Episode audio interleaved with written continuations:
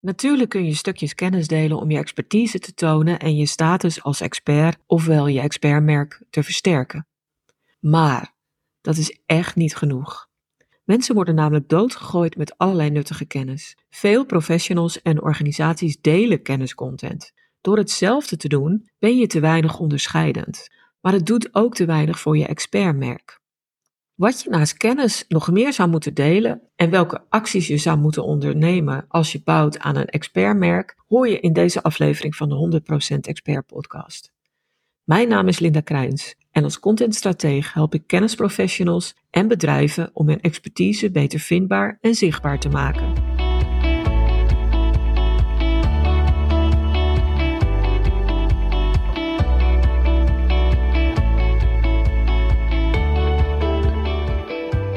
Laat ik dan om misverstanden te voorkomen beginnen met de definitie van een merk. Er zijn nogal wat definities van een merk in omloop. Zo zegt het Bureau voor Intellectuele Eigendom van de Europese Unie het volgende. Merken zijn symbolen die in de handel worden gebruikt voor het identificeren van producten. Uw merk is het symbool waaraan uw klanten u herkennen. Het onderscheidt u van uw concurrenten dan draait het dus om woorden, symbolen, tekens, kleuren en kleurcombinaties. Maar die definitie komt voort uit de wens om merken te beschermen. En ik zie een merk eerder als iets dat voor de ontvanger een bepaalde betekenis heeft of waar deze een bepaalde associatie mee heeft. En natuurlijk is dat dan bij voorkeur de gewenste associatie van jou als afzender merkeigenaar. In het geval van kennisprofessionals en van kennisorganisaties is dat erkenning of herkenning van bepaalde expertise. Dus een expertmerk vraagt om drie dingen: identificeren, herkennen en onderscheiden. En die moeten samen de gewenste betekenis of associatie realiseren. Nou, is dat allemaal een beetje abstract. Dus als ik het gedoe dat je altijd krijgt over definities nu even laat voor wat het is, maar me wel concentreren op de begrippen identificeren en herkennen aan de ene kant en onderscheiden en betekenis geven aan de andere kant, dan wordt het misschien wat tastbaarder. Zeker als je daar de praktijk van expertise tonen en het bouwen van een expertmerk bij pakt. Dan zie ik namelijk dat je als expert of kennisorganisatie drie dingen moet doen.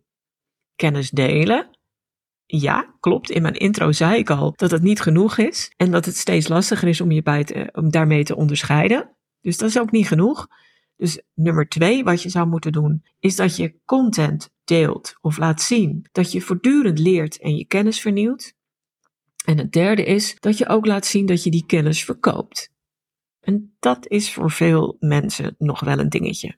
Laat ik nog even terugkomen op dat eerste aspect, kennis delen. Ik heb daar natuurlijk al aardig wat podcasts aan gewijd. En als je je daarin wil verdiepen, luister dan zeker naar aflevering 47 over drie soorten expert content. Dat is content die op drie manieren laat zien hoe goed je bent en welke expertise je in huis hebt. En dan zou je moeten denken aan gidsende content, die mensen de weg wijst, maar wel met de benodigde en vereiste verdieping pionierende content waarin je voorop loopt op andere experts, omdat jij als eerste met bepaalde data, inzichten of een mening komt. En het derde soort expert content is betrouwbaarheidscontent. Dat is content die je beweringen over de kennis die je hebt ondersteunt. Dat kan sociaal bewijs zijn, maar zoals je zo zult horen, kan het ook te maken hebben met een ander aspect. En dat is een van die drie dingen die ik net noemde, die je in mijn ogen zou moeten doen. En dat is ook laten zien dat je echt verkoopt. Om terug te komen op dat kennis delen, dat is echt niet meer genoeg. Gidsende content deelt kennis en dat moet je ook zeker blijven doen. Door gericht kennis via content delen kun je ook je zichtbaarheid en vindbaarheid bij de juiste mensen vergroten. En mensen die ergens van jou of je organisatie horen en die vervolgens je site, je blog, je podcast, je videokanalen bezoeken, zullen die kenniscontent nodig hebben om zich een oordeel over je te vormen maar het is echt niet genoeg. Waarde bieden met de inzet van content en content marketing bestaat al een tijd. Eigenlijk al meer dan 100 jaar, al ging het toen via offline content. En het werkt, maar wel tot op zekere hoogte. En daarvoor zijn drie redenen aan te wijzen. De eerste is natuurlijk dat er bizar veel content wordt gemaakt en gedeeld. Dus de concurrentie om de aandacht van je doelgroep is enorm. tweede reden is dat mensen het nu zijn gaan verwachten. Dus het delen van kenniscontent is minder een plus geworden, maar het is eerder iets dat tegen je werkt als je het niet doet. En de derde reden is dat de barrière om content te maken en je doelgroep te bereiken ieder jaar lager wordt. Met tools vanuit artificiële intelligentie, AI-tools, wordt het steeds gemakkelijker om content te maken, ook voor mensen met minder expertise dan jij of jouw organisatie. En er komen ook steeds meer distributiemogelijkheden bij. Denk maar aan het alsmaar groeiende aantal social media kanalen. Dus de barrière om content te maken en te delen, die wordt echt steeds lager. En dat maakt dat alleen maar kennis content delen niet meer genoeg is. Wat zou je dan nog meer moeten doen? Mijn advies is om echt wel die kenniscontent te maken, die expert content, maar om je daarin nadrukkelijk te onderscheiden. Met bijvoorbeeld content die anderen niet of niet gemakkelijk kunnen maken. In de vorige aflevering, nummer 88, had ik het daar ook al over. Want die ging over de impact van zogenaamd scherpe content. En dat is vaak content met een mening of met een visie, want die heeft extra impact en die zorgt voor extra onderscheidend vermogen.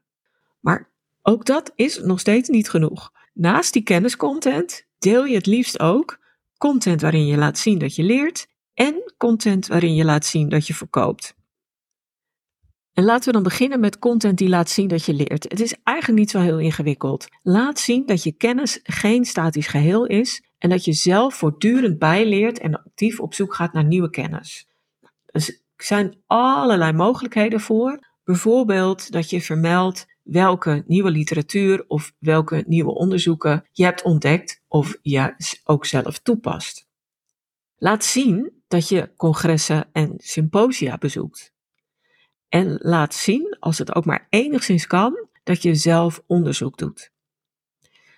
En met name die eerste twee dingen, die moeten eigenlijk verder gaan dan het wat statisch vermelden dat je iets leest of dat je een congres bezoekt. Dat is zeggen dat je iets doet. Dat is op zich wel oké, maar nog beter is om het te laten zien. Dus maak foto's of video's van congresbezoek. En meld niet alleen dat je een boek of een publicatie hebt gelezen, maar deel er wat kennis uit of schrijf een review. Dan ben je wel weer bij het kennisdelen aangeland, maar te vaak laten we het alleen maar bij het benoemen van dingen. En het kan en moet echt overtuigender en inzichtelijker. En je hebt het nodig om te laten zien dat jouw kennis zich voortdurend ontwikkelt, dat je expertise groeit. En dat betekent dat je echt moet laten zien dat jij of mensen in je organisatie of je team voortdurend bijleren en die bron van kennis laten groeien. En zeker als je kennisleiderschap ambieert, is dit onmisbaar. Maar in mijn ogen is er nog iets onmisbaar. En dat is de derde contentactie die ik benoemde. En dat is dat je laat zien dat je je expertise verkoopt. Laat dat heel actief zien. Dat ligt bij veel mensen gevoelig. Want die willen helemaal niet delen dat ze hun kennis verkopen. Bijvoorbeeld omdat ze het opschepperig vinden. Of, en dat is ook wel op zich een valide reden, omdat ze de concurrentie niet wijzer willen maken. Ik snap het. Maar verplaats je in je doelgroep. Voor hen is het overtuigend bewijs dat je expertise hout snijdt. Die willen echt zien dat jij succesvol bent. Mensen doen nou eenmaal graag zaken met mensen en bedrijven die succesvol zijn. Dus laten zien dat je die expertise verkoopt. Maar er speelt nog iets anders. Want veel experts en organisaties gaan zo op in het delen van hun kennis dat het voor hun volgers, websitesbezoekers, nieuwsbriefabonnees vaak onvoldoende duidelijk is wat ze nu echt verkopen. Klinkt misschien grappig, dat is het niet. Want heel, heel veel kenniscontent vergeet om te wijzen op het salesaspect. En ja, die diensten en producten die staan in de navigatie. Of je verwijst ernaar in de subnavigatie. En als het een beetje mee zit, verwijzen de artikelen op je site ook naar de diensten of producten. En als het nog wat meer mee zit, dan strooi je her en der wat testimonials of ander sociaal bewijs rond op je website, in je nieuwsbrief of op social media. En trouwens, vaak zie ik dat sociaal bewijs alleen maar op de website gedeeld wordt en niet op andere kanalen. Maar als je wil laten zien dat je expertise verkoopt, dat er vraag naar is, dat je daar resultaat mee boekt, dan moet je het expliciet vermelden. Ook al voel je voor jezelf een drempel om dat te doen, het is echt heel belangrijk. Als je wil laten zien dat je je expertise verkoopt, laat dan zien dat je trainingen geeft Of laat zien dat je optreedt als spreker. Maak duidelijk dat je betaald wordt voor onderzoek, voor rapporten, whitepapers, masterclasses of andere vorm van kennis die je deelt. Maak duidelijk dat je ingehuurd wordt door klanten als consultant of adviseur. Benoem het expliciet en vertel ook bij wie je dit werk hebt gedaan.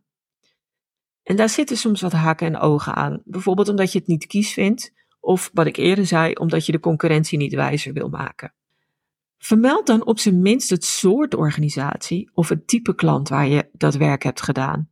Dan kunnen mensen zich herkennen en zien ze dat je die expertise verkoopt aan soortgelijke klanten en organisaties. En laten zien dat je expertise verkoopt, betekent vaak ook dat je niet geheimzinnig doet over de prijzen die je vraagt en die er ook voor betaald worden. Of hoe vaak je iets verkoopt. En vaak dat benoemen van prijzen, dat is nou, best wel een ding voor een hoop mensen. Dan denken ze, ja, maar dan weet mijn concurrentie ook wel voor welk bedrag ik dat verkoop. Die kunnen daar dan net onder gaan zitten. Dat is eigenlijk niet belangrijk. Want de meeste organisaties, de meeste mensen die een keus moeten maken uit een aanbieder, ja, die kijken ook naar de prijs, maar dat is heel vaak niet doorslaggevend. Het is pas doorslaggevend op het moment dat jullie allemaal hetzelfde verkopen. Maar juist als expert, als expertorganisatie, kennisorganisatie, doe je dat niet. Heb je, zeker als je al die andere acties opvolgt, heel veel onderscheidend vermogen.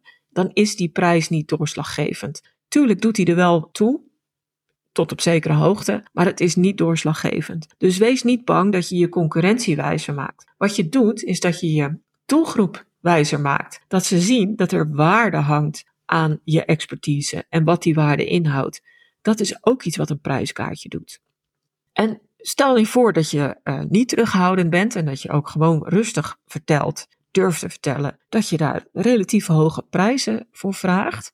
Ook dat is niet opscheppen. Daar zijn we ook nog wel eens bang voor in dit land, dat we opscheppen. Het is het niet. Prijzen vermelden is gewoon transparant zijn. En je doelgroep heel duidelijk maken wat je te koop hebt. En vooral dat je dat doet aan mensen of organisaties zoals zij. En dat is wat je doet met al die contentacties, alle acties die je, die je gebruikt, om ook te laten zien dat je je expertise verkoopt. Dat moet je echt expliciet in je contentstrategie opnemen, wat mij betreft.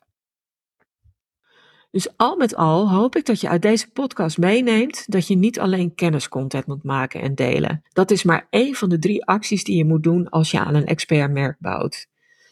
Deel daarnaast ook content die aantoont dat je voortdurend bijleert en groeit in je expertise. En deel ook content die laat zien dat je jou of jullie expertise verkoopt en aan wie. Daarmee wordt je expertmerk veel completer, overtuigender en onderscheidender. Want je zult zien dat vergelijkbare experts die drie acties niet of veel minder doen. Dankjewel voor het luisteren. Heb je nu een handige tip of inzicht opgedaan, dan wil ik je vragen om een review achter te laten. Of deel de podcast met iemand anders voor wie het interessant is. En wil je meer weten? Op mijn website vind je een gratis kennisbank met checklists, tools, video's en stappenplannen over content, content marketing, maar vooral over het zichtbaar en vindbaar maken van je expertise. En in de Content Academie vind je bovendien tal van online masterclasses en trainingen die je helpen om je expertpositie verder te versterken. Kijk daarvoor eens op stroop.nl en stroop is met dubbel S.